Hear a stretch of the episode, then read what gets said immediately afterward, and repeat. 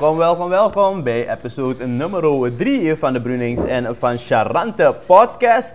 Weer super veel nieuwsjes voor jullie vandaag. Het is de derde, dus uh, we beginnen een beetje de hang of it te krijgen. En ik denk zonder Gaat meer lekker? dat vandaag... Ja Gaat lekker? man, ja man, ja, Ja. man. Oké, zoals iedere aflevering eh, ga je het een en ander vertellen over die pokoe. Ik ken die pokoe niet geen eens.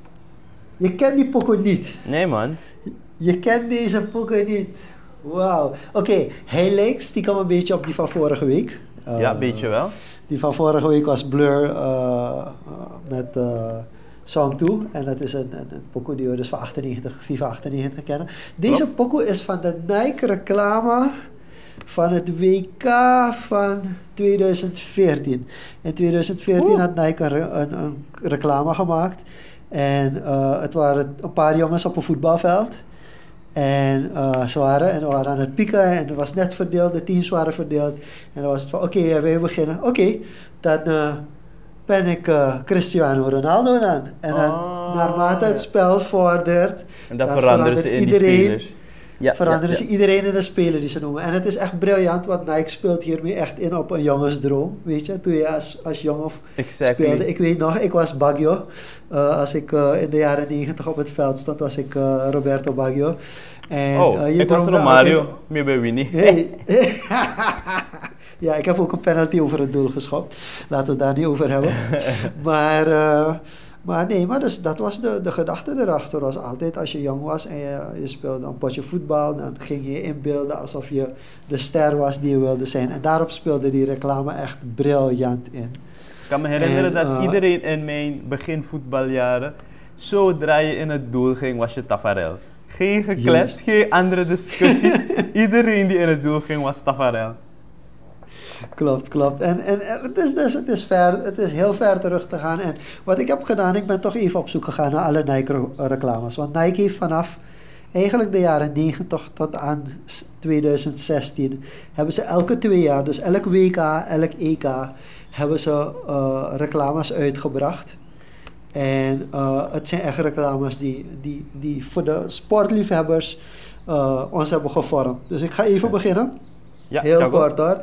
Uh, Good versus Evil 1996. Dat is die ene waar Cantona zijn, zijn, uh, zijn kraagje omhoog doet en zegt au revoir. Dus de, de, de, de voetballers van de wereld spelen tegen uh, evil creatures coming from outside. En ze winnen dus met een Cantona bal waar hij dwars door die keeper heen trapt. En dat is eigenlijk, want ik heb ook even naar die van 1994 gekeken, maar die kan ik me niet herinneren. Ik vind hem ook niet echt Eigenlijk was die de, de, de lekkerste hoor. De Cantona, de, de Cantona waar hij zijn kraag omhoog deed, dat heeft voor, daar is het voor veel mensen begonnen. En, het is gewoon nog steeds relevant. Cantona is er eigenlijk ook nog steeds gewoon bij. Ja, hij zit ook nog steeds in die commercials als figurant nu. Ja. Maar hij, en eigenlijk allemaal, in 98 ook. 98 is de bekende Brazilië, het Braziliaans team eh, op de airport eh, en aan het wachten. En plotseling gaan ze door de hele airport spelen. Het heeft wel een zuur tintje achtergelaten, want die reclame eindigt waar Ronaldo, de oorspronkelijke Ronaldo, eh, die bal schopt tegen een paal. De echte Ronaldo voor sommige mensen inderdaad. En hij schopt hem tegen een paal en eh, dat WK, de finale, verliezen ze omdat eh, Ronaldo er iets, iets mis met hem was. Dus dat heeft nog een zuur tintje voor sommigen, maar het was echt een geweldige reclame. In 2000 doen ze Nike The Mission. En eh, ze gaan een, eh, is een groep voetballers die dus als soort van secret agents, ninjas, voetbal ninjas, een bal gaan stelen. En eh, die ken ik nog heel goed, omdat natuurlijk, ik heb het in de voorgaande, een van de voorgaande afleveringen al gezegd, Edgar Davids was voor mij echt mijn favoriete Surinaamse voetballer. En, Sporter zelfs nog. ja, zelfs sporter. En eh, doordat hij locks had, gaat een van die locks door die infrarood en gaat het alarm af. Dus dat is echt nog ook heel goed bijgebleven. Eh, en dan, eh, dat was de tijd dat hij met een brilletje speelde. En eh, die bril werd dus ook echt ingezet als soort van oh, infraroodbril.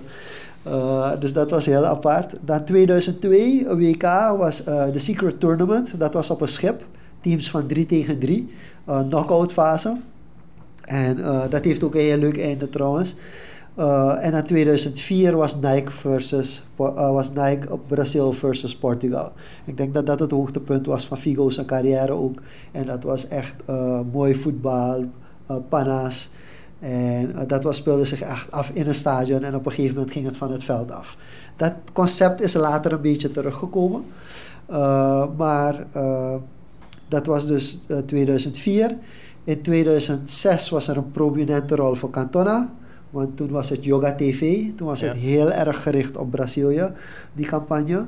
En dan komen we in 2008. En die van 2008, ik weet de officiële naam ervan niet. Maar ik ken het als de Van Persie reclame. Omdat als je kijkt naar hoe die, het verloop is. Het begint bij een kleine jongen die speelt bij een lokale Nederlandse club. En dan wordt die, uh, groeit hij door en dan groeit hij door naar het hoogste niveau in Nederland. En dan gaat hij volgens mij naar Arsenal, daar staat Wenger aan de zijkant. En het begint bij een vrije trap en het eindigt bij een vrije trap. Uh, en dat was natuurlijk heel veel Nederlandse voetballers, Wesley Sneijder, een paar van die jongens, volgens mij Klaas-Jan Huntelaar, waren allemaal gesigned door Nike. Dus dat maakte het, het, element ook makkelijk om, dat verhaal, om die verhaallijn eigenlijk uh, door te trekken.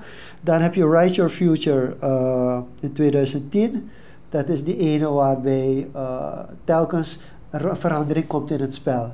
En dan Rudy pakt die bal en hij verovert de bal. En dan zie je gewoon hoe de wereld verandert in Engeland. Elke kinder, alle kinderen worden Wayne, genoemd. En dan verliest hij de bal weer. En dan uh, van Ribéry. En dan verandert alles. Uh, dit, het standbeeld met uh, Rudy waar hij alles uit elkaar scheurt, wordt plotseling een standbeeld met Ribéry waar hij alles uit elkaar scheurt. En zo gaat het maar door. En wat ik al zei, 2014, ik denk dat 2014 wel een van de beste was omdat dat echt een element had uh, van jeugdsentiment. Maar ook, ze hadden in die commercial hadden ze een paar dingen toegevoegd. Dus Kobe Bryant speelde erin, Pirlo die al uh, retired was speelde erin. Uh, boxers, twee verschillende uh, Nike gesponsorde boxers speelden erin. de vriendin van Ronaldo at the time, die toen model was, had ook een Nike contract. Die speelde erin. De Hulk speelde erin. Dus het had een oh, beetje meer facetten een dan Een geïntegreerd idee. Ja, heel geïntegreerd. En natuurlijk, het eindigt heel mooi met uh, de enige jongen die zegt van... Ik ben geen enkele andere speler. En die bleef zichzelf en die neemt die bal van die jongen die Cristiano Ronaldo speelt. En die schopt die penalty. En dit is dus het nummer wat dan afspeelt op het einde ook weer. Hmm. Dus, no. uh, dus dat is het. En dan nog de laatste, 2016. Ik weet niet of je die kent, die was het van het EK 2016. Dat was de switch. Dat was Cristiano, uh, die botst tegen een ballenjongen. En ze worden de volgende ochtend wakker en die ballenjongen is plotseling Cristiano Ronaldo. En die uh, Cristiano Ronaldo is plotseling die ballenjongen. en het moraal van het verhaal is uh, either way, of je nou Cristiano Ronaldo bent of een ballenjongen bent, als je hard werkt, kan je de top bereiken. Ja. dat is eigenlijk het, het, het verhaal erachter. Dus uh, ja, uh, voorbij 20 jaar aan sentiment. Het is ook gevaarlijk sentiment, want zoals jullie misschien weten, is de officiële sponsor van het WK is Adidas en niet Nike. Maar door mhm. deze reclames kregen mensen soms het gevoel ja, krijgt men toch het gevoel dat het Nike is die uh, de sponsor is, wat dus niet het geval is. Dus ja, dat was... Waarom uh, zoveel sentiment van je? Want je hebt bijna acht minuten gesproken over een historische lijn van Nike-reclames. Ja, omdat kijk natuurlijk, ik vanuit de marketinggedachtegang kijk ik naar verhaallijnen in reclames. Wat maken reclames herinnerbaar. Dat mensen zich er herinneringen aan hebben en een speciaal gevoel bij hebben. En Nike heeft dat heel snel begrepen. En uh, ze hebben meer hoor. Storytelling-wise heeft Nike echt heel veel goede reclames. Maar deze waren eigenlijk de reclames die afbraken van het 30 seconden aspect. Natuurlijk, sommige waren, maar de meeste waren gewoon verhaallijnen van 4 minuten. En die verhaallijn gaat gewoon maar door. Dus dat was voor mij, uh, als het gaat om storytelling en wat bedrijven en brands kunnen doen om uh, een, geweldig, een geweldig product neer te zetten, zijn dit voor mij echt gewoon, uh, you can't go wrong with these, om het zo te zeggen. Awesome. Oké, dan zijn Yes. we ingeleid. Dan gaan we gelijk beginnen met het stretch gedeelte. Het en dat kennen jullie ja. natuurlijk als de what if. Eh, en het is een volleybalvolle what if sectie vandaag. Heel we gaan beginnen met eh, die van mij. En dat is een hele simpele stelling. Wat als je nog mocht blokkeren bij het serveren? Voor iedereen die een keer op een volleybalveld is geweest, weet dat je als er geserveerd wordt, die bal niet mag blokkeren. Echter was het vroeger wel anders. Vroeger mocht je gewoon blokkeren als er geserveerd werd. Latere jaren mocht je nog zelfs aanvallen. Mensen als Pietje Naarden en Claudius Straal hebben Ja. nog met deze regel gespeeld. En dat verandert natuurlijk heel wat in de complexiteit van hoe je je paas gaat opstellen, hoe je je aanvalspel gaat doen. Maar volleybal is veel verder gekomen. Ik heb het nu al bijna over een jaar of 30, 40 terug. Maar de vraag is, wat zou er gebeuren als je nog steeds mocht blokkeren? De mic is yours. Eh, jij bent eh, beter bekend met volleyballers, dus ik denk dat je Musierski wel kent van Rusland. ja, ja, ja, ja. Zeven- 7-2, oftewel 2 meter 18. Eh, ik, ik zag pas nog een video over een, een, een basketballer, oh nee, sorry, een volleyballer die ook echt 7-6 was of zo. Er is ook Mhm. eentje van, die, er is, er is eentje die eh, aan de Paralympics meedoet, omdat hij gewoon eh, niet kan springen en dus als Paralympier meedoet. En er zijn ook een paar echt volleyballers die dus boven de 2 meter 20 zijn. En die volleybal spelen, ja, voor die mannen. ja, ik denk, eh, ze zouden veel kunnen blokkeren hoor. Je zou eh, niet gewoon wild kunnen serveren en heel hard. Want eh, er zou wel degelijk een blok zijn. Dus ik denk dat het. eigenlijk, ik vraag me dus af of er, of er wedstrijden gespeeld worden met deze regels gewoon om te, als, voor entertainment purposes. Weet jij dat toevallig?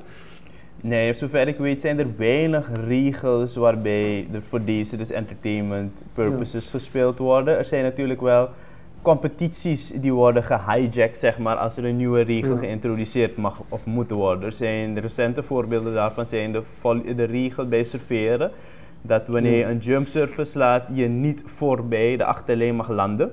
Dat hebben ze gedaan tijdens een jeugd WK, als ik me niet vergis, een onder 21 WK.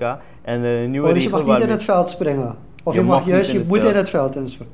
Nee, je mag niet op het veld landen. Dus je moet volledig achter die serveerlijn blijven. Hetzelfde geldt ook voor de 3 meter. Dus je mag niet in de 3 meter landen als je een eh 3 meter aanval doet.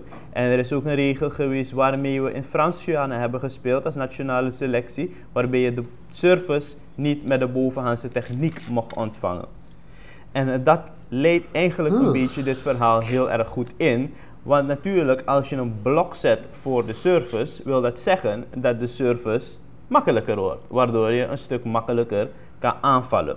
En dat Ja. zal natuurlijk wel effecten hebben op zoveel effecten. Ik weet niet eens wat, waar ik mee moet beginnen. Het zal effecten hebben op hoe de positionering zal zijn van je aanval. Want zet je een driemans blok voorin, dan heb je in één keer misschien geen aanval achterover meer. Of misschien wel.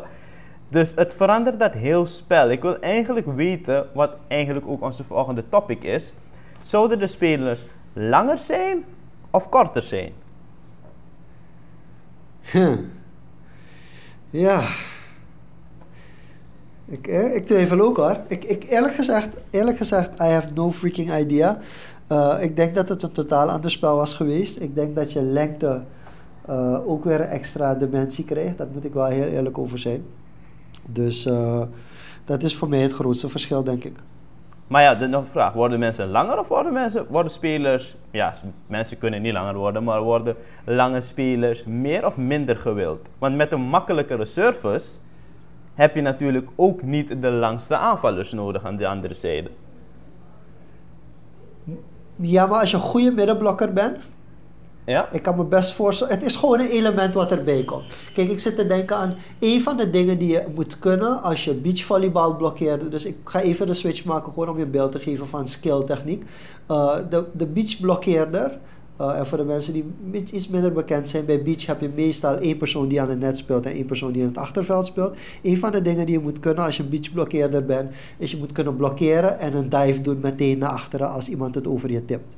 Want uh, op het 6 tegen 6 kan een van je zes me vijf medespelers kan die bal makkelijk plukken die voorin staat. Maar beach niet. Is de persoon die in het achterveld staat, kan niet vlak achter het net komen. Dus je moet kunnen blokkeren en je moet tegelijkertijd ook een dive naar achteren kunnen doen. Uh, op het volleybalveld uh, en met de regel dat je wel mag blokkeren, komt er gewoon een skill blij. Dus plotseling wordt de middenblokkeerder niet alleen bekeken van hoe goed kan je een, een, een, een blok zetten wanneer er een driemans aanval is van de tegenpartij. En hoe goed kan je uh, het blok wegtrekken of scoren in de aanval. Maar plotseling komt er een element bij waar hoe goed kan je een service blokkeren. En ja, dat zou wel een skill zijn die verder door wordt ontwikkeld. En er zouden een paar unieke blokkeerders zijn. Die gewoon video's zouden kijken van de tegenstanders, kijken hoe ze serveren. En op basis daarvan. Dus je zou plotseling hebben dat de middenblokkeerder in de verdediging gewoon bijna links van het veld staat. Omdat die persoon die die jump service gaat doen, 80% van die service rechtdoor uh, serveert. Dus dat soort elementen zou je inderdaad ook krijgen. En de invloed die dat heeft, het is wel een technisch verhaal aan het worden, mensen. Dit voor de mensen die eh, naar volleybal luisteren, is, uh, hebben het naar je zin. Um, maar dat heeft natuurlijk ook wel een invloed op de paasposities. Want als een middenblokkeerder plotseling helemaal naar links moet gaan, omdat de sprongserveerder heel erg goed kan serveren down the line, dat wil zeggen ja. dat de persoon die ervoor verantwoordelijk is voor de paas die eventueel naast hem staat, ook helemaal naar het andere gedeelte van het veld moet gaan. Dus ja. het... Um, Kijk, waar maar misschien zou je ook sneller aces krijgen. Dus aan de ene kant zou die service misschien makkelijker worden, maar de kans op aces wordt misschien juist groter.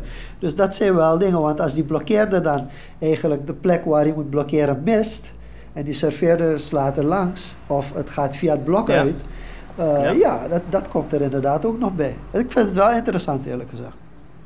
En? Ik zou het leuk vinden om een toernooi te spelen waar die regel er was. Gewoon om te zien hoe het oh. is. En hoe makkelijk het is. Want zo makkelijk, kijk, blokkeren is makkelijk. Maar die regel ja. die erna kwam, dat je het mocht smashen, dat is pittig. Ja. Want if een man van jump service, of nakke gobaka, is, is, is best wel handig. Uh, is best is wel moeilijk. heel gevaarlijk. Ja. Ik denk dat het heel veel invloed gaat hebben op jeugdspelers. Want uh, zeker voor damesvolleyballers, voor degenen die zich kunnen herinneren, als ze ooit zijn begonnen met volleyballen, hoe moeilijk het niet was om voor het eerst bovenhands over te serveren. Dat was best wel pittig. Ja. En als je, dan lukt het je waarschijnlijk net op die bal bovenhands over te hebben. En als je dan een blok daar hebt, duurt het nog veel langer voordat je daadwerkelijk zo'n uh, service onder de knie krijgt. Ja. Dus, uh, maar goed, dat was de, de eerste what if. Dus we hebben een challenge nou. We moeten een wedstrijd organiseren waarbij blokkeren van de service wel mag. Waar toegestaan is. Uh, ja, ik, ik ben echt bang dat ik uh, heel veel positionele fouten ga maken. Uh, als gaat, ik aan het net ben. je moet ook nadenken. Wat, wat doe je? Zet je een eenmansblok? Zet je een tweemansblok? Wie, wie is in het blok? veranderd. Zet je een driemansblok, dat wil zeggen dat de mensen achterin verantwoordelijk no, zijn als voor je de driemansblok, Nee, als je driemansblok gaat doen, het enige wat je veroorzaakt is dat die passer potverdorie niet meer kan zien waar die bal is op een gegeven moment.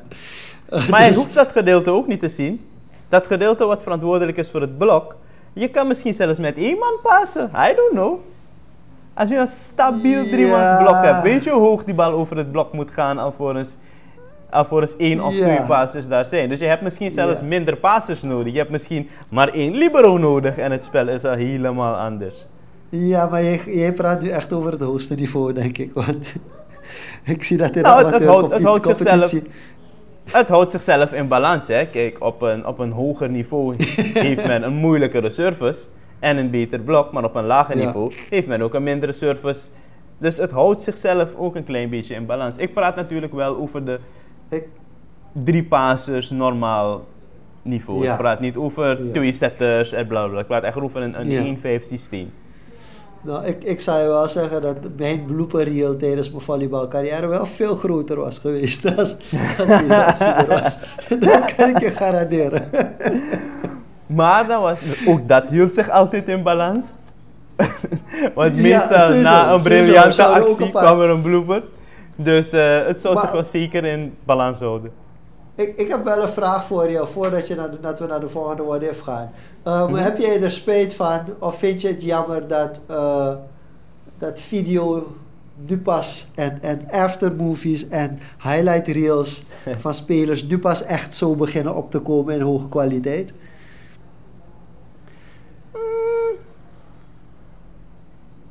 Ik heb voornamelijk eh, last van dat ik nu pas de skills heb. dat vind ik het ergst van het verhaal. Want als ik mijn eigen video- en filmskills nu zou hebben, zou het, het platform van eigenlijk ook van mijn clubs er heel anders hebben uitgezien, denk ik.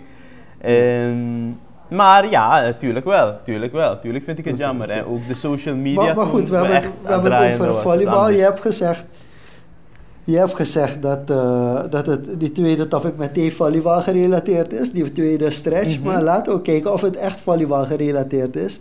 Eh, wat als je 10 centimeter langer was geweest? Oké, als ik 10 centimeter langer geweest was, was ik 1,80 meter.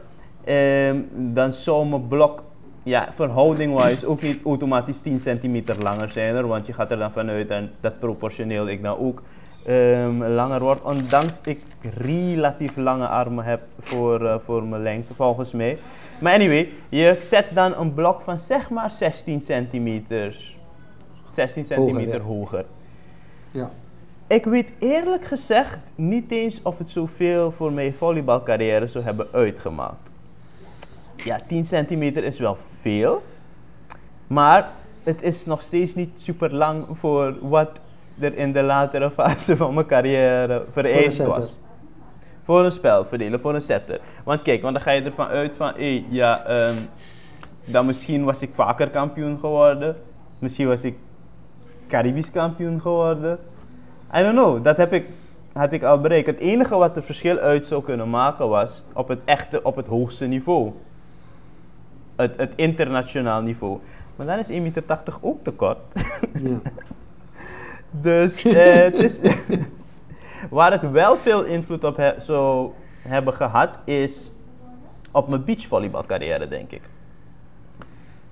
Ik denk als ik 1,80 meter was op de beachvolley met Ik, dezelfde eh, snelheid.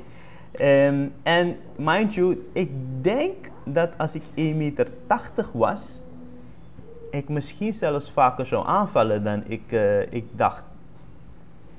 Want als, eh, zeker in, in mijn beginjaren toen ik terug was in Suriname, eigenlijk ook, ja, was ik best wel een pittige aanvaller voor mijn, voor mijn lengte. En met die 10 centimeter erbij was ik zelfs bang dat ik misschien nog bij Condor was gebleven en misschien zelfs was gaan aanvallen en me volledig gefocust had op beachvolleybal. Dat zou andere gevolgen hebben gehad, Ja. denk ik, Ja. voor het volleyballandschap in Suriname hoor. Om het zo arrogant te vertellen. Dus dat Ja, ik- zou, ik denk- that would be Ik something. denk dat vooral op beach, ik denk vooral op beach dat dat voor jou heel veel had uitgemaakt. Ik denk het, ik denk het Ja. zeker wel. Ehm, en de vraag is ook, was je langer in Nederland gebleven om op een hoger niveau mee te spelen? Dat is ook een, een, een, eh, een andere vraag die je zou kunnen stellen.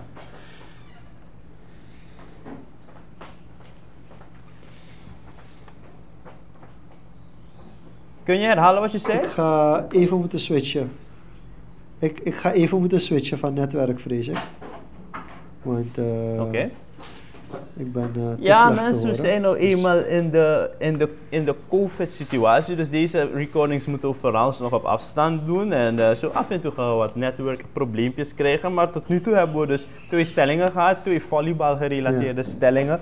En eh, beide zijn een beetje apart om uit te leggen. zijn echte, echte what-ifs. De eerste was over hoe het volleybal zou veranderen als we geblokkeerd als de service geblokkeerd mocht worden. En de tweede is een hele persoonlijke. Wat zou er gebeuren als ik 1,80 meter was en ik zou volleyballen? Dus zoals ik eerder zei, ik denk dat het voor beachvolley heel veel had uitgemaakt. Ik denk dat mijn carrière misschien stukken meer gericht zou zijn op beachvolleyballen. En ik misschien niet eens de switch had gemaakt om naar Jellico te gaan.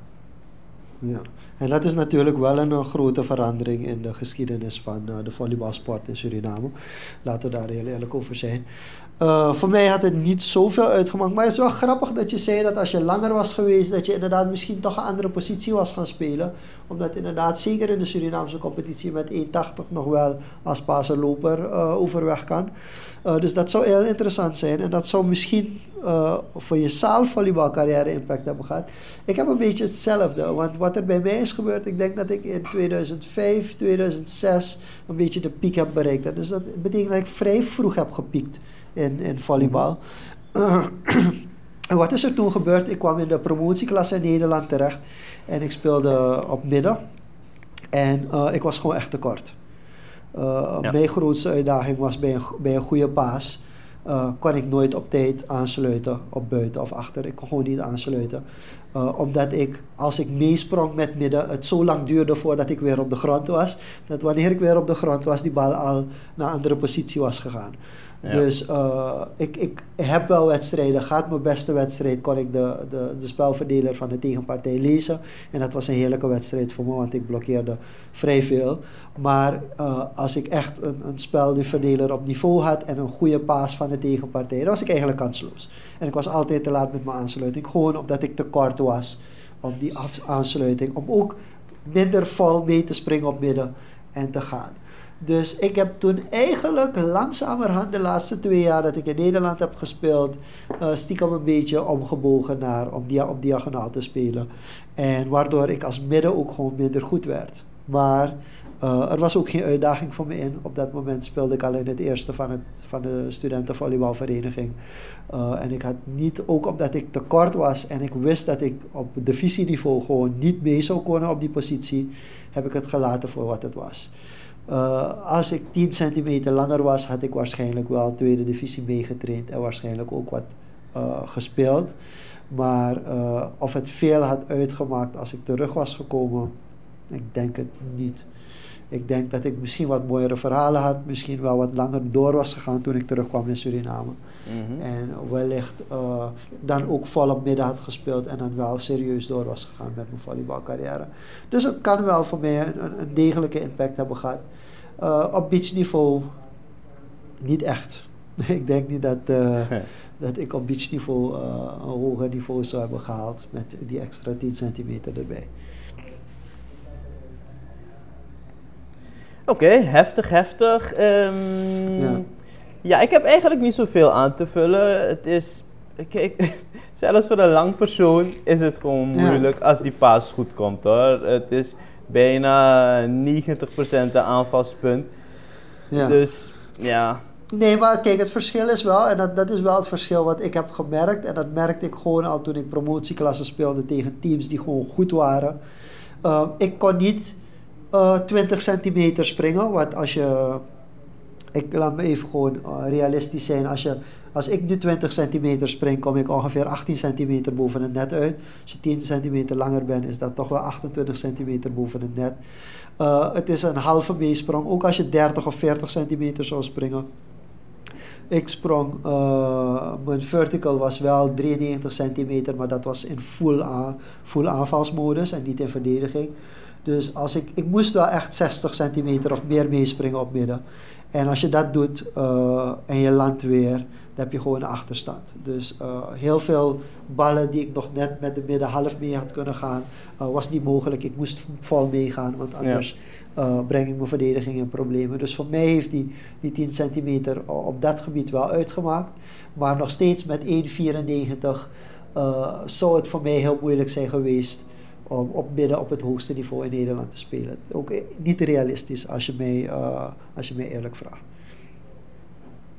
Waarom ben je eigenlijk gestapt in Suriname?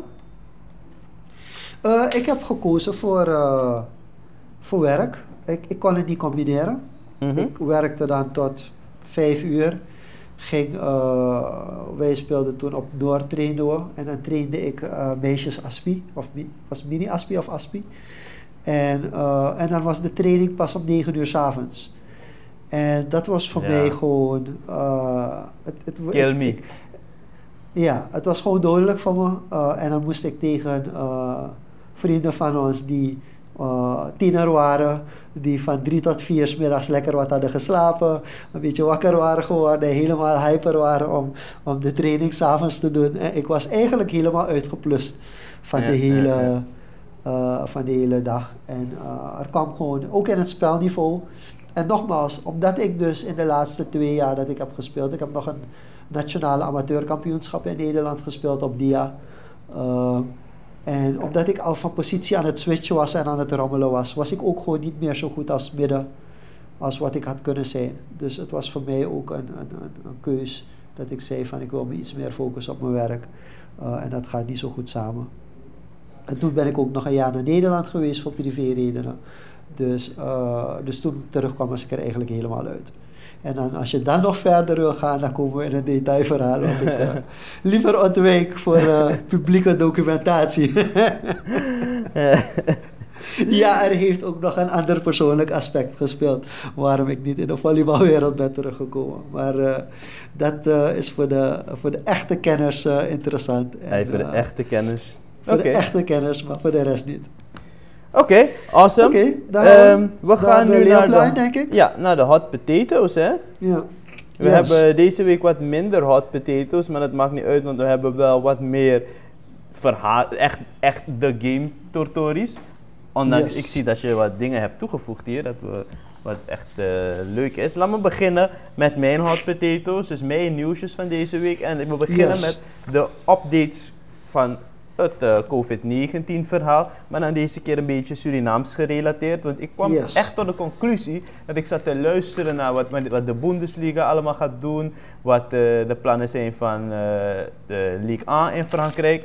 En toen realiseerde ik me, hé, maar Fawaka, zou Uno doen eigenlijk in Suriname? Wat gebeurt in Suriname, ja? Precies. Dus uh, de Surinaamse voetbalbond, dat heeft misschien wel een beetje het, interessantste verhaal. Uh, die gaan dit weekend of volgend weekend gaan ze een meeting houden waarbij ze gaan bespreken wat ze gaan doen. Ze mikken erop dat de, de situatie normaliseert rond 12 mei, 10, 12 mei. En als dat zo is, willen ze de competitie herstarten in midden juni. Er zijn nog wat wedstrijden te spelen, dus dat, we hebben niet echt internationale toernooien die in gedrang komen. Dus wij kunnen gewoon midden juni starten. Wat wel interessant is, is dat ze een e-mail hebben gestuurd naar alle leden, alle clubs, dat ze een begroting moeten maken, zodat ze ze financieel kunnen bijstaan. Ze hebben een brief oh, gestuurd, okay. de SVB heeft een brief gestuurd naar de CONCACAF om aanspraak te maken op het, om het eventjes populistisch te zeggen, populair te zeggen, het COVID-fonds.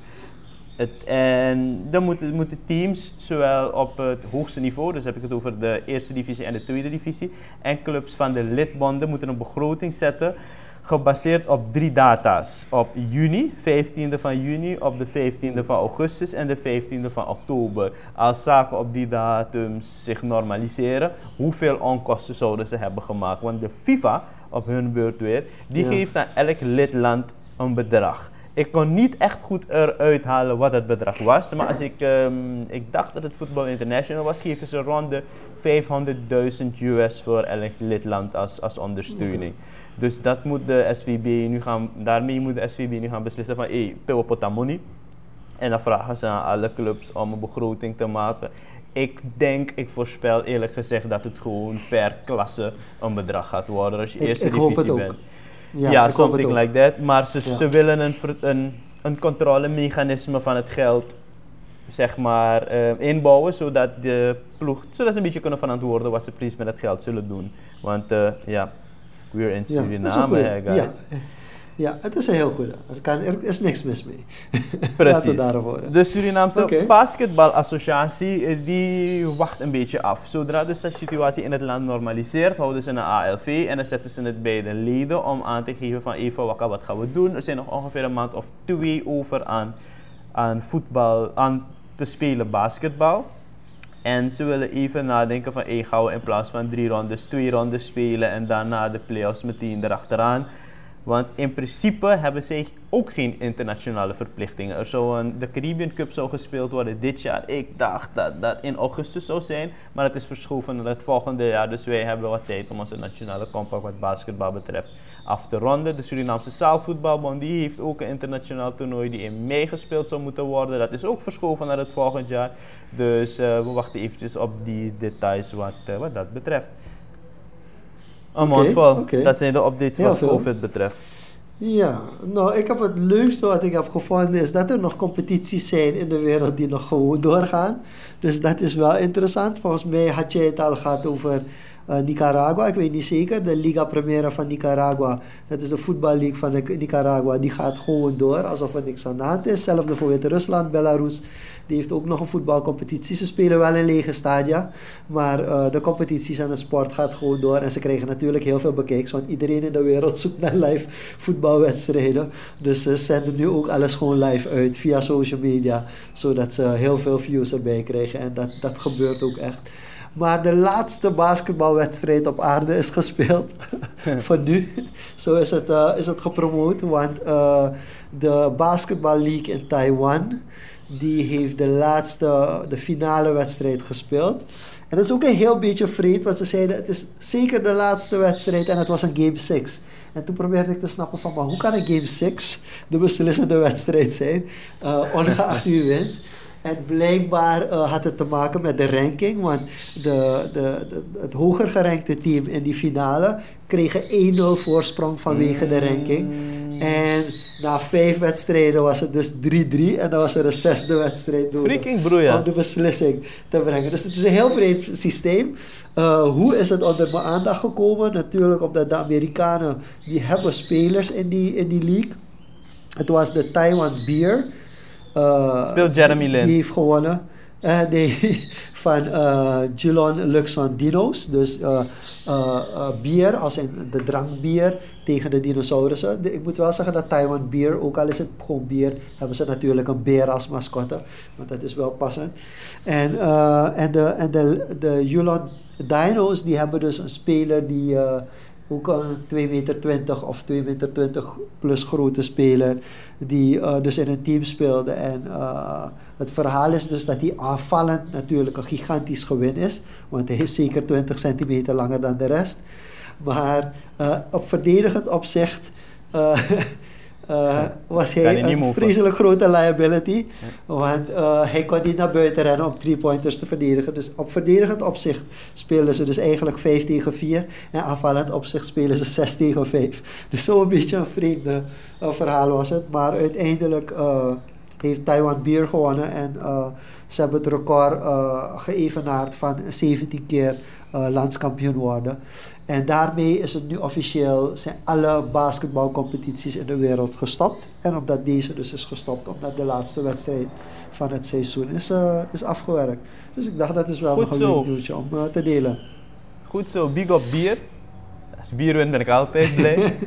dus dat is... eh, Ja. Maar oké, eh, om het eventjes toch nog sneller te hebben over Belarus. Eh, de Australische voetballeague is trouwens ook heel lang nog doorgegaan hoor. Dat is omdat de Ja. Australische voetbalcompetitie pas een, een turnaround heeft gekregen. Een beetje hetzelfde als wat in Engeland in de Premier League is gebeurd. En zij moesten lang doorgaan om hunzelf financieel te redden. Op een goed moment hebben ze Ja. zelfs een team dat in die Premier League speelde van Nieuw-Zeeland laten importeren en een paar weken nog daar laten, zeg maar, laten leven. Omdat er niet gereisd mocht worden. Dus die zijn lang doorgaan. Maar Belarus is natuurlijk een heel erg interessant verhaal. Want die president is best wel extreem in zijn opvattingen naar het coronavirus. Hij zegt, hé, hey, luister nou. Kom je een keertje kijken hoe het hier aan toe gaat. Het is helemaal, het is, alles is bevroren hier. Corona no ja. De enige oplossing voor corona is dat je hockey gaat spelen en dat je wodka drinkt. Dus kom op jongens. Opvallend genoeg zijn er een stuk of 14.000 cases, maar maar 89 dood in Wit-Rusland. Dus ehm, nee, laat me er niets over zeggen. Maar Ja, laten we, naar, laten we er niets even over gaan zeggen. naar, eh, naar Laten we Nederland, er waar de competitie helemaal is gestopt. Dat is een ander uiterste, denk ik. wil je Nederland eerst doen of wil je Biggie eerst doen? Ik wil afsluiten met Biggie natuurlijk. Oké, dus laten we is Nederland eerst Eh. Nederland is een mond vol. Nederland is, Ja. een van de, is eigenlijk de eerste grote competitie eh, die hun, hun competitiestop heeft gezet. Ze hebben aan de bovenste zijde van hun ranglijst hebben ze gewerkt met de UEFA-regels. En dat wil zeggen dat Ajax ehm, wel kwalificeert. Zij krijgen de enige Champions League spot. Weliswaar is Ajax geen kampioen dit jaar van Nederland. Dat is gewoon voorbij. De, de ploeg die op de tweede plaats staat, dat is AZ. Die kregen de voorrondeplek. En de drie plekken eronder, die kregen de Europa League plekken. En om eventjes, dat zijn dus Feyenoord, PSV en Willem II. Onder in de league gebeurt er niets. Daar houden ze, hanteren ze hun eigen regels. Dus niemand degradeert. Fortuna Sittard, ADO Den Haag en RKC Waalwijk. Die stonden op de laatste drie plekken. Wat vervelend is, is dat eh, het heeft voor heel veel consternatie gezorgd. Er zijn een aantal teams enorm boos, met name FC, Utrecht, die op de zesde plaats staat. Ze staan drie punten achter op Willem II, maar hebben één wedstrijd minder gespeeld en hebben een veel beter doelsaldo. Die zijn kwaad, enorm kwaad. Die gaan, ze, gaat de Eredivisie of de KNVB ook voor het gerecht slepen. Lijkt me logisch. Omdat zij ook nog eens een keer in de finale stonden van de, de beker. Dus zij Ja. ontlopen twee Dus ze hadden grote eigenlijk kansen. dubbel kans. Precies. Dus eigenlijk, ja, ze hadden de wedstrijd minder gespeeld. Als ze die wedstrijd hadden gespeeld en gewonnen, stonden ze sowieso op 5. Toch? Ja, klopt. En, en ze hadden ook nog de kans om via de bekerfinale Europa te halen. Dus ja, voor hun snap ik het helemaal. Ik snap het ook helemaal voor de ploegen die zouden promoveren. Want ja, je kan nu niet promoveren, want je hebt technically de eerste divisie niet gewonnen. Dus dat kan je ook niet promoveren. Maar ja, je loopt natuurlijk een gigantisch geldbedrag mis door een jaar extra op een lager niveau te spelen. Dus ook voor de nummer 1 op dit moment van een divisie lager, snap ik ook helemaal dat die zeggen van hé, maar eh, hoezo dit? Gigantisch is natuurlijk heel relatief, want het, het maakt ongeveer het verschil uit van 4 miljoen. De ploegen Cambuur en de Graafschap, met name Cambuur, Ja. hebben een, een, een data-analyse ploeg erbij gehaald, een data-analyse bedrijf. En zij hebben scenario's gerond waarbij, ze uit, waarbij het eruit moest komen of ze wel of niet in de eredivisie zouden spelen. Ze staan nu 11 Ja. punten voor op de nummer 3, dat is Volendam. En ze hebben nog 9 wedstrijden te spelen. 99 van de 100 gevallen promoveert Cambuur. Dus Ja. dat hebben ze met het bedrijf uitgewerkt. En zij zijn er enorm pist over. Dus zij gaan de KNVB voor het gerecht slepen. Maar de KNVB wist dit natuurlijk, omdat ja, als ze verliezen zullen ze een uitkering doen van hoeveel? 2 miljoen of something like that. Dat is wel geld dat ze kunnen missen in deze case. Maar het leukste verhaal vind ik van de Engelse coach ah, die Alan Pardew van ADO Den Haag. Ira Toridis. Oké. Ira Tori, Fama? Nee, nee, nee, ik luister, ik Oké, luister. Alan Pardew is een oud coach geweest van Newcastle United. Is iemand die heel veel succes heeft gehad in het eerste jaar toen hij bij Newcastle was. En dan heeft hij een gigantisch contract gekregen van zes jaar. Blijkt dat het gewoon een geluksjaar was. Dus Pardew is een beetje infamous in Engeland. En is een nieuwe coach geworden van ADO Den Haag. ADO Den Haag staat op de één voor laatste plaats. Ze zouden gegarandeerd degraderen. Ze staan 7 punten achter de nummer 16. Maar in Ja. het contract van Pardew staat dat als hij Den Haag in de eredivisie houdt, krijgt hij een grote bonus.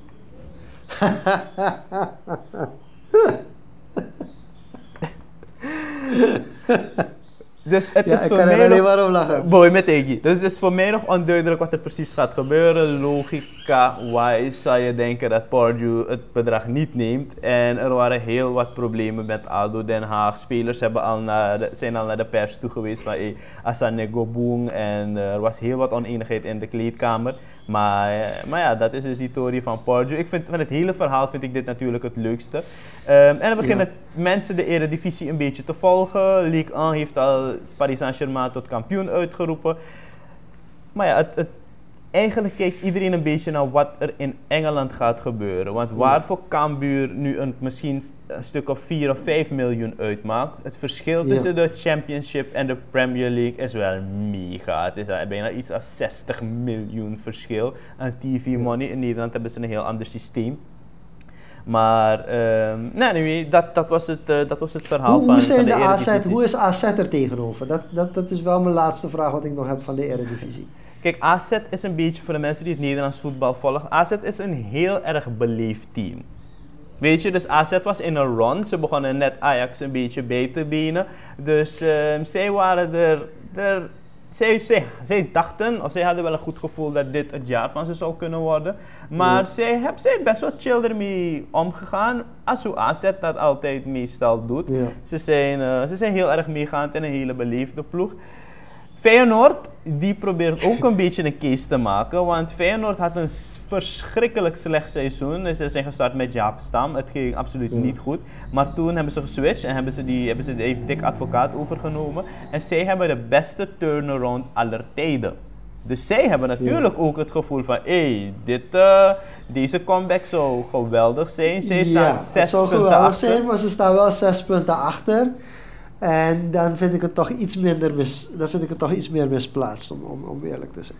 Ja, Maar maar zeker ten opzichte van Utrecht natuurlijk. zeker weten. Maar zij gedragen zich toch nog net ietsje anders dan AZ. Ondanks AZ wel in een gunstigere positie zit dan Feyenoord. Maar ik kan Feyenoord ook wel een beetje snappen. Ze waren bijna aan het degraderen. En dan plotseling zitten ze weer aan top. Ze zitten, ze zitten boven PSV en één wedstrijd minder gespeeld. Dus zo is PSV erover. AZ is, is redelijk chill. Eigenlijk de mensen die het, het zwaarst hebben is eh, FC Utrecht, Cambuur en, en de Graafschap. Die zijn de mensen Ja. die de KNVB ehm, waarschijnlijk gaan aanklagen. Oké. Oh, en dan mag jij nog de laatste hot potato ook gewoon inluiden, want dat gaat over Surinames eigen. Biggie Boy. Biggie Boy gaat vechten tijdens UFC in 49. Ik heb, ehm, het is, het is heel, heel erg sketchy allemaal. Jullie kennen het verhaal. Het zou eerst gebeuren. Ik ga het hele verhaal niet vertellen.